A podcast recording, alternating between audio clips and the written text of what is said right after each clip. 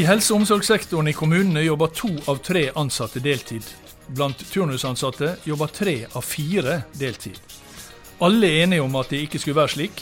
Likevel er det fortsatt slik.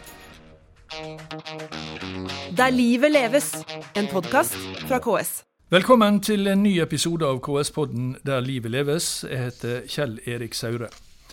I forrige episode av podkasten tok vi for oss den nye arbeidsgivermonitoren fra KS, som du finner på våre hjemmesider ks.no.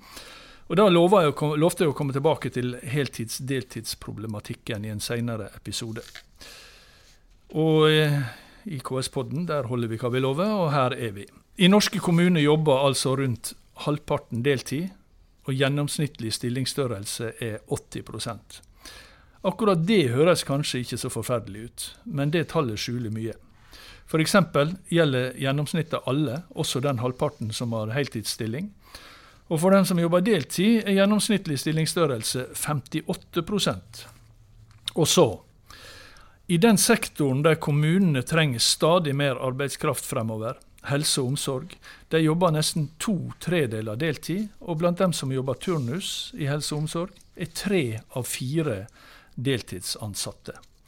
Ok, så langt harde fakta. Nå over til eh, jeg hadde nær sagt synsing, men uh, det er det jo ikke. Leif Moland, seniorforsker ved Fafo, du har forska mye og lenge på denne problematikken. Jeg tror jeg begynner her. Hva er egentlig problemet med dette? Ja, altså Det første er jo at det er altfor mange som jobber deltid. Så omfanget gjør i seg selv at dette blir et problem. Så kan man jo gå gjennom de forskjellige gruppene og starte med de som det er minst problem for. Det er jo mm. de som jobber frivillig deltid.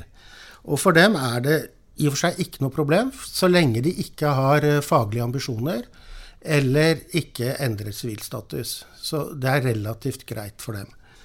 De på ufrivillig deltid derimot, som trenger en større stilling for å leve, så blir det mye at de må jage vakter, og de får uforutsigbar lønn, uforutsigbar arbeidstid og uforutsigbar fritid.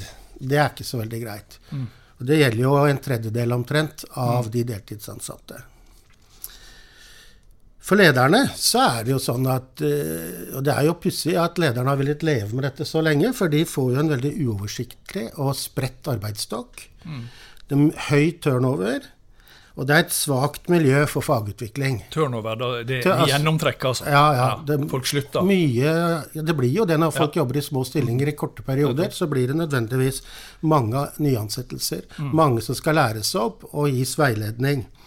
Og det at du da også har mange ufaglærte her, så blir det jo arbeidstakere med veldig begrensede fullmakter, som da trenger mye veiledning. Og de mm. har eh, og det tar jo tid fra andre mm. som kunne brukt tida annerledes. Mm. Så har du jo kan ta dette med brukerne, som jo har blitt mye tema i det siste. Og det er jo først og fremst det at de får unødig mange tjenesteytere å forholde seg til. Ofte ansatte som ikke kjenner dem. Og kanskje ansatte som kommer på besøk, men som ikke kan gjøre hele oppgaven, for de har ikke fullmakter og kompetanse til det, så at du må trekke inn flere. Mm. Og den siste, hvis du skal ta samfunnet, ja. da så er det jo dårlig utnyttelse av kompetansen. At mm. vi har mange fagfolk som bare jobber eh, deltid. Og så må du spe på med ufaglærte. Så utdanner vi kanskje to-tre personer for hvert årsverk vi får igjen. Så det er jo ikke spesielt god økonomi. Mm. Og, ja. Da har vi tatt, ja, da har vi tatt eh, jeg tror jeg telte fem eh, eh problemområder som dette, som dette skaper. Eh, eller problemer som dette skaper på fem områder. og Eh, Hanne Børrestuen, senior eh, spesialrådgiver i, her i, i KS. Mm -hmm. eh, velkommen til det også. Eh, dette er jo Altså, det som Leif Moland nevner her, det er jo problem som alle er enige om er problem. Mm. det er ganske lenge siden KS sammen med arbeidstakerorganisasjonene, flere av dem, undertegna den en heltidserklæring for første gang. Mm. At man skal jobbe for en heltidskultur i sektoren. Hvorfor har ikke man fått til det? Eller hvorfor er man kommet så kort?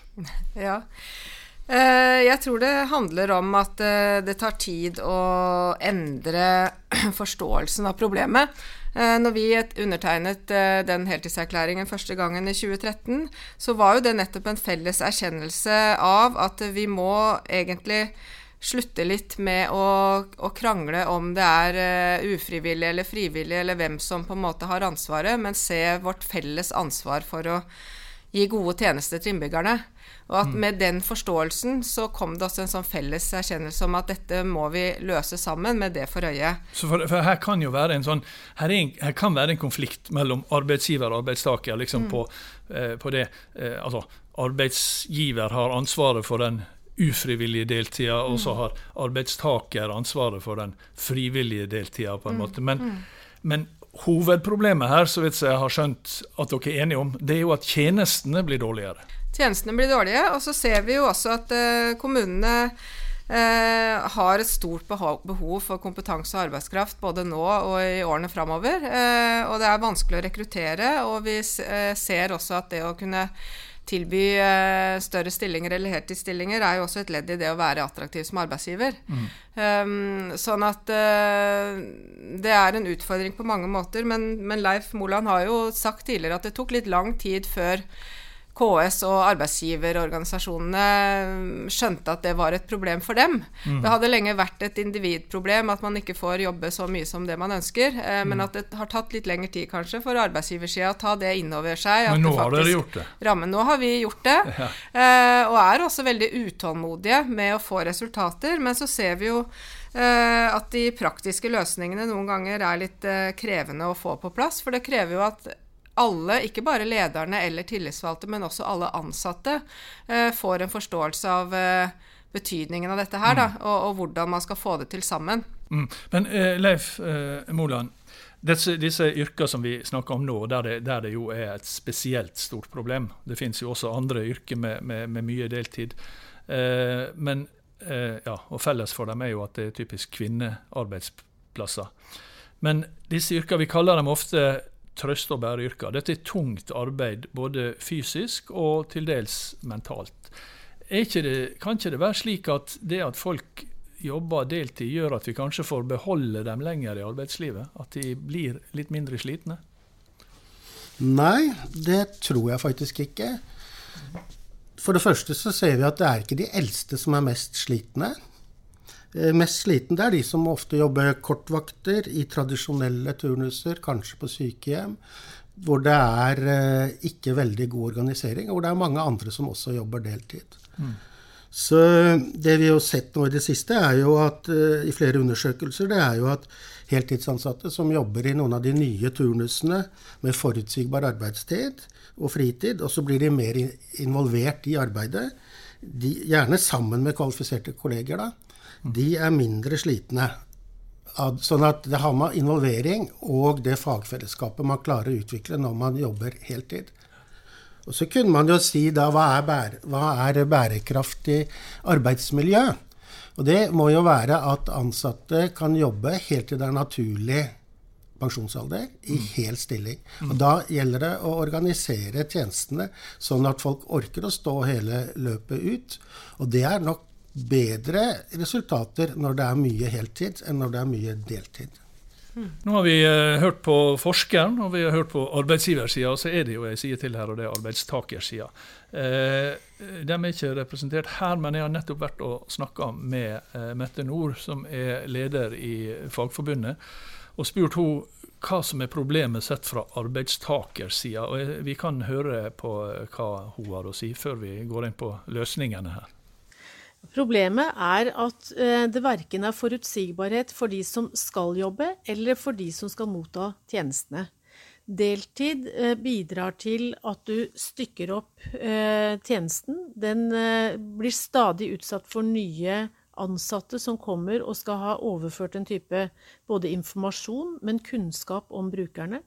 Og for hver av de skiftene, for hver av de Eh, vaktskiftene med nye mennesker, så kan viktig informasjon gå tapt. Eh, og det blir også tungt for de ansatte, fordi de må hele tiden eh, prøve å ta igjen det etterslepet som de faktisk mangler fra sist de var på jobb. Mm. Så det er Det er lite effektivt, altså? Det er lite effektivt. Det blir en byrde både for de som er på jobb, og de som mottar tjenestene, og ikke minst de som skal sitte og administrere og ha ansvaret for det. Så det er egentlig en negativ spiral. Men eh, hvis folk ønsker å ha redusert arbeidstid, altså de kan være slitne, det, de, de kan være det er tungt arbeid, skal ikke en få lov til det? Hvis, det er, hvis folk ønsker å jobbe deltid fordi de er slitne, fordi det er tungt arbeid, da må vi se på organisering av tjenesten. Fordi et arbeid skal kunne være eh, til å kunne leve med eh, i 100 stilling. Men da er vi liksom med, med eh, elefanten i rommet, eller hva Altså, hver gang man nærmer seg en diskusjon, så stopper den når vi nærmer oss helga. Altså Men- Problemet er helga, da folk trenger like mye pleie og omsorg på søndag som på onsdag, men folk vil ikke jobbe like mye på søndag som på onsdag. Hvordan løser vi det? Nei, men Det som også er et ganske merkelig fenomen, det er at i helse- og omsorgssektoren så stiller vi spørsmålet om å, si, å, å gi folk valgfriheten til å kunne jobbe deltid. I et mannsdominert yrke så er ikke det et spørsmål, det er ikke et tema. Det er ingen som diskuterer det. Der er det kun noen som har redusert arbeidstid fordi de har eh, en funksjonsnedsettelse eller en delvis uførepensjon. Så det, du, det burde ikke være et, en problemstilling eh, eller et valg heller i kommunesektoren og ikke i pleie og omsorg? Nei, altså Det som må være et mål, er jo hvordan man kan eh, faktisk få motivert medarbeidere til å jobbe full stilling. Fordi eh, tjenesten fortjener at folk eh, er på jobb hver dag. Eh, de, de eldre, de som skal motta tjenestene, de har eh, rett og slett eh, Det er et så uttalt problem at det er for mange som kommer innom hver dag, hver uke, hver måned. At folk begynner faktisk å føle seg ganske eh, avmektig eh, og avkledd. Fordi eh, folk kommer eh, og går og kommer og går og kommer og går. Og du må fortelle hele tiden eh, historien. Du må fortelle, de som er i stand til å kunne fortelle, de må gjøre det. Eh, de som ikke er i stand til å fortelle, de har et langt større problem, og det er et samfunnsproblem. Og så er det, som du sier, det er et problem at folk vil i liten grad jobbe helg. Men det er eh, en faktum når man går inn i den type yrker, så er det 24-7 eh, arbeid. Og det er jo noe med en rettferdig fordeling av eh, ubekvemsvaktene, for det er det vi kaller dem. Eh, det å jobbe både på kveld, natt og helg betyr eh, en type ubekvemhet. Og da handler det kanskje om eh, hvordan vi både får satt sammen arbeidslag som gjør at belastningen blir mindre, men det handler kanskje også om en type godtgjøring for den type arbeid. Er, eh, eh, her kan man også stimulere til eh, mer helgearbeid gjennom hvordan man faktisk også lønner. Er det, er det, er det der løsninga ligger? Er det rett og slett i, i, i godtgjørelse og i lønn? Det kan være en kombinasjon, men jeg tror nok også at det, i dag så er det såpass få som jobber full stilling, at de som jobber helg, de har så mange ukjente mennesker med seg hele tiden at arbeidsbelastningen for dem blir ganske stor. For det er de som er den som på en måte er den kontinuitetsbærende eh, arbeidstakeren på jobb, og som har et ekstra ansvar for å påse at alt annet er i orden. Hvor begynner, hvor begynner vi å løse problemet? Hva, hva er første steg? Ja, For det første så tror jeg man må sette seg ned på arbeidsplassen og eh, si, ha kartlagt hva er situasjonen her, hvordan ønsker vi å ha det, hvordan kan vi tilrettelegge for at flere kan jobbe heltid. Det må være, eh, eh, Man må begynne der den enkelte er. På den enkelte arbeidsplass. Ja, det, Dette er med å løses mellom partene på arbeidsplassen og de som er ansatt, og at man får en felles forståelse av hva som er utfordringene, eh, hva som skal løses av oppgaver. Og så må man jo stille spørsmålet, hvis man selv hadde vært i en situasjon og trengte hjelp, hvordan ville jeg sett for meg at denne tjenesten burde vært organisert? Ja, det var Mette Nord, eh, leder i Fagforbundet, som altså organiserer mange av eh, disse deltidsarbeidende eh, ansatte i pleie- og omsorgssektoren i kommunene. Eh, Hanne Børrestuen, det var arbeidstakersida. Det høres jo ut som om arbeidstakersida og arbeidsgiversida her på en måte er ja, enig i problembeskrivelsen, men det høres ut som dere er ganske enige om, om, løs, om, en del, om hva som skal til for å løse det òg. Ja, eh, vi er jo veldig enige om eh, både målet og, og betydningen av det. Og på, Hvorfor tar på det alle da så nivåer. innmari lang tid Ja, å få gjort Eh, noe? og det var et stikkord som jeg merket meg at hun sa, og det er at det handler om organisering. Det er ikke bare et spørsmål om stillingsstørrelse eller heltid eller deltid, det er hva slags type organisasjon man, man får disse stillingene til å passe inn. Og sånn som vi snakker om heltidskultur, som vi kaller det nå, da, nå så det, handler det vel så mye om organisasjonsendring og utvikling som om eh, stillingsstørrelser og eh, det å, å få tilbudt hel stilling. Det, er, eh, det må vi strebe etter at man, at man eh, får. Eh, men, men det handler vel så mye at man må få alle ansatte med seg på en stor omstillingsprosess. Dette er en sektor som har vært organisert med deltidsstillinger siden eh, 70-tallet. Altså bygd opp sakte, men sikkert. Eh, eh, og da er det ikke gjort i en håndvending å bare snu om på det. Men man skaper ikke noe jeg håper å si, man skaper ikke noe heltidskultur av å lyse ut stillinger på 16,37% Nei, så det er jo også et veldig Så det viktig virkemiddel. på Det er absolutt en jobb å gjøre. Uh, og det handler jo om uh, den store organiseringen av kommunene, og hvilket handlingsrom er det den enkelte leder opplever at uh, hun har da, for å Når man skal ansette en, en ny medarbeider, og så ser du at å, jeg har vel egentlig kanskje bare eh, 37,12 eh, i turnusen som skal dekkes, hvordan kan jeg sammen med de tillitsvalgte og ansatte, og også øvrig ledelse i kommunen, jobbe for at vi kan allikevel gi rom for å stadig bygge ut heltidsstillinger. Mm. Så det må jobbes på veldig mange nivåer, men ikke minst med den organisasjonsforståelsen som alle ansatte også må være med på den reisa. Mm. Eh, Leif Moland, eh, Hanne nevnte begrepet heltidskultur. Eh, og du står jo bak en rapport som heter 'En ny vei mot heltidskultur'. Kan du bare si kort hva som var bakgrunnen for, den, for, at, du, for at du laga den?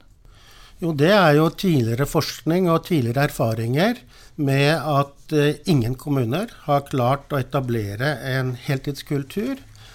Og eh, mange forsøk har jo endt med at eh, ledere eller initiativtakere er blitt skuffet fordi at jeg har undervurdert hvor sterk deltidskulturen er.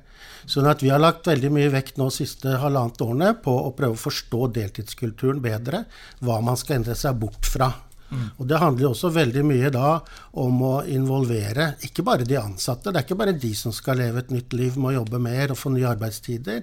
Men det er også lederne. Det er kanskje de som er den største bøygen her, de lokale lederne i endringsarbeidet. Men Du har fulgt eh, en del kommuner som jobber eh, målretta med å skape en heltidskultur. Og jeg håper å si, Hvor går den nye veien mot heltidskultur? Nei, Det første er jo at du må få med deg folk på laget. Altså Du må få de til å ville være med på endringene når startskuddet går. Sånn at bruke et år kanskje på å snakke med lokale ledere og ansatte, og få de til å forstå at det er viktig for, eh, for tjenesten, ikke minst, og at det kanskje er ok for dem selv å ville jobbe mer. Så det er del én, og det er den tyngste delen, og det er den man har hoppet over. Så er det jo mange tiltak, turnustiltak, man kan sette i gang med.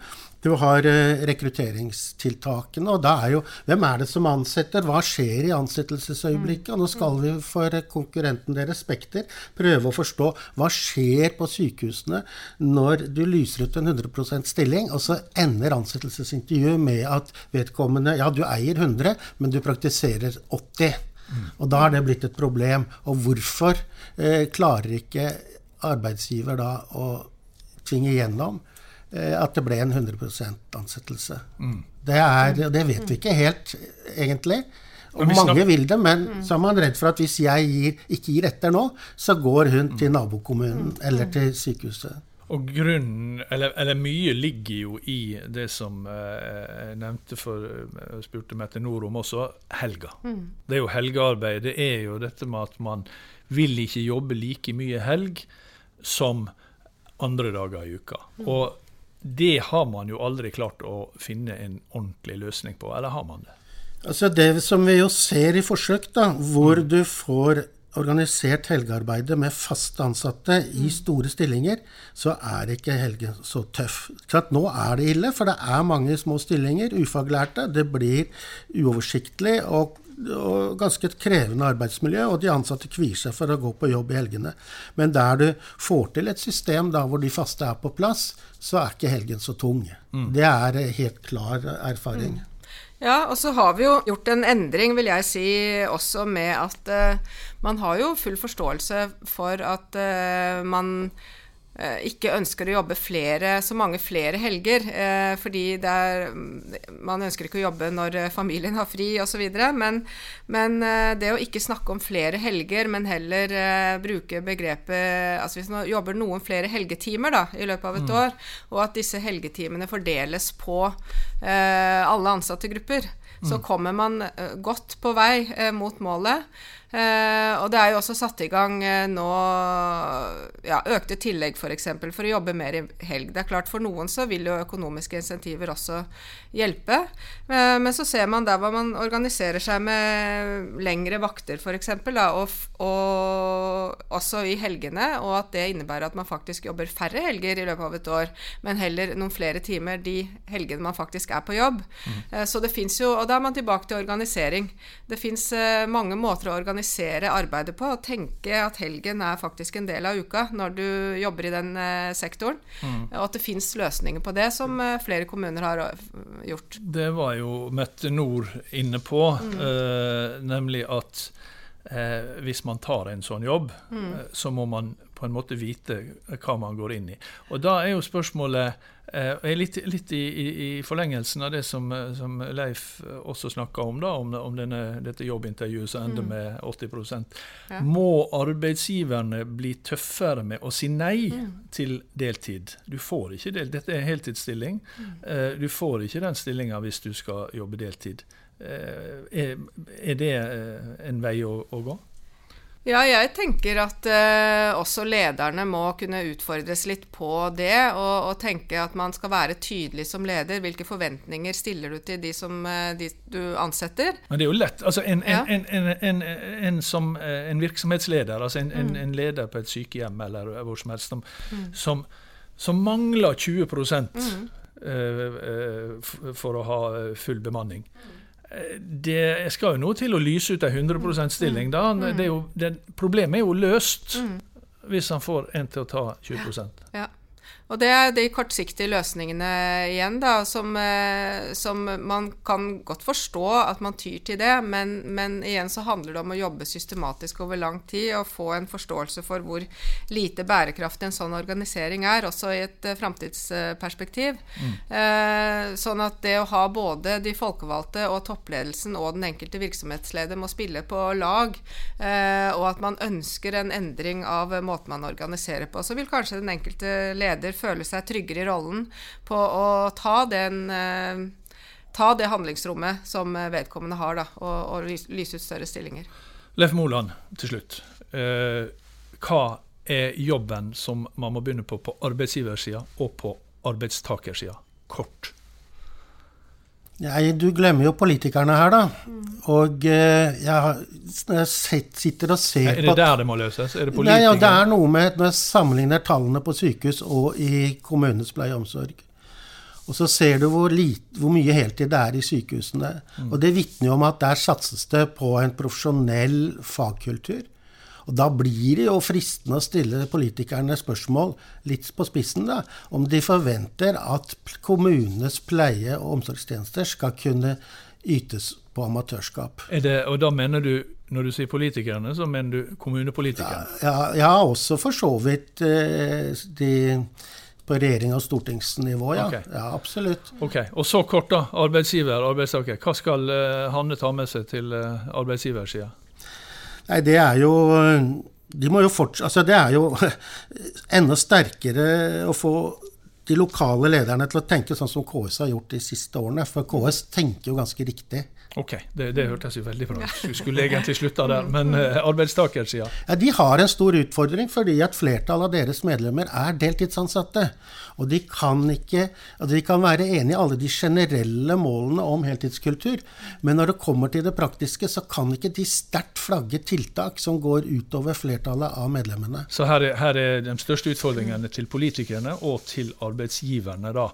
Jeg tenker vi sier at det er, så langt som vi kommer eh, nå. og Så skal vi invitere til en ny samtale når målet er nådd, og de fleste jobber heltid også i helse- og omsorgssektoren i kommunene. Og når, eh, når skal vi avtale det? Ja, da er jeg ferdig på gamlehjemmet for lenge siden. ok, takk til det. Takk til Hanne Børrestuen, og takk til Mette Nord.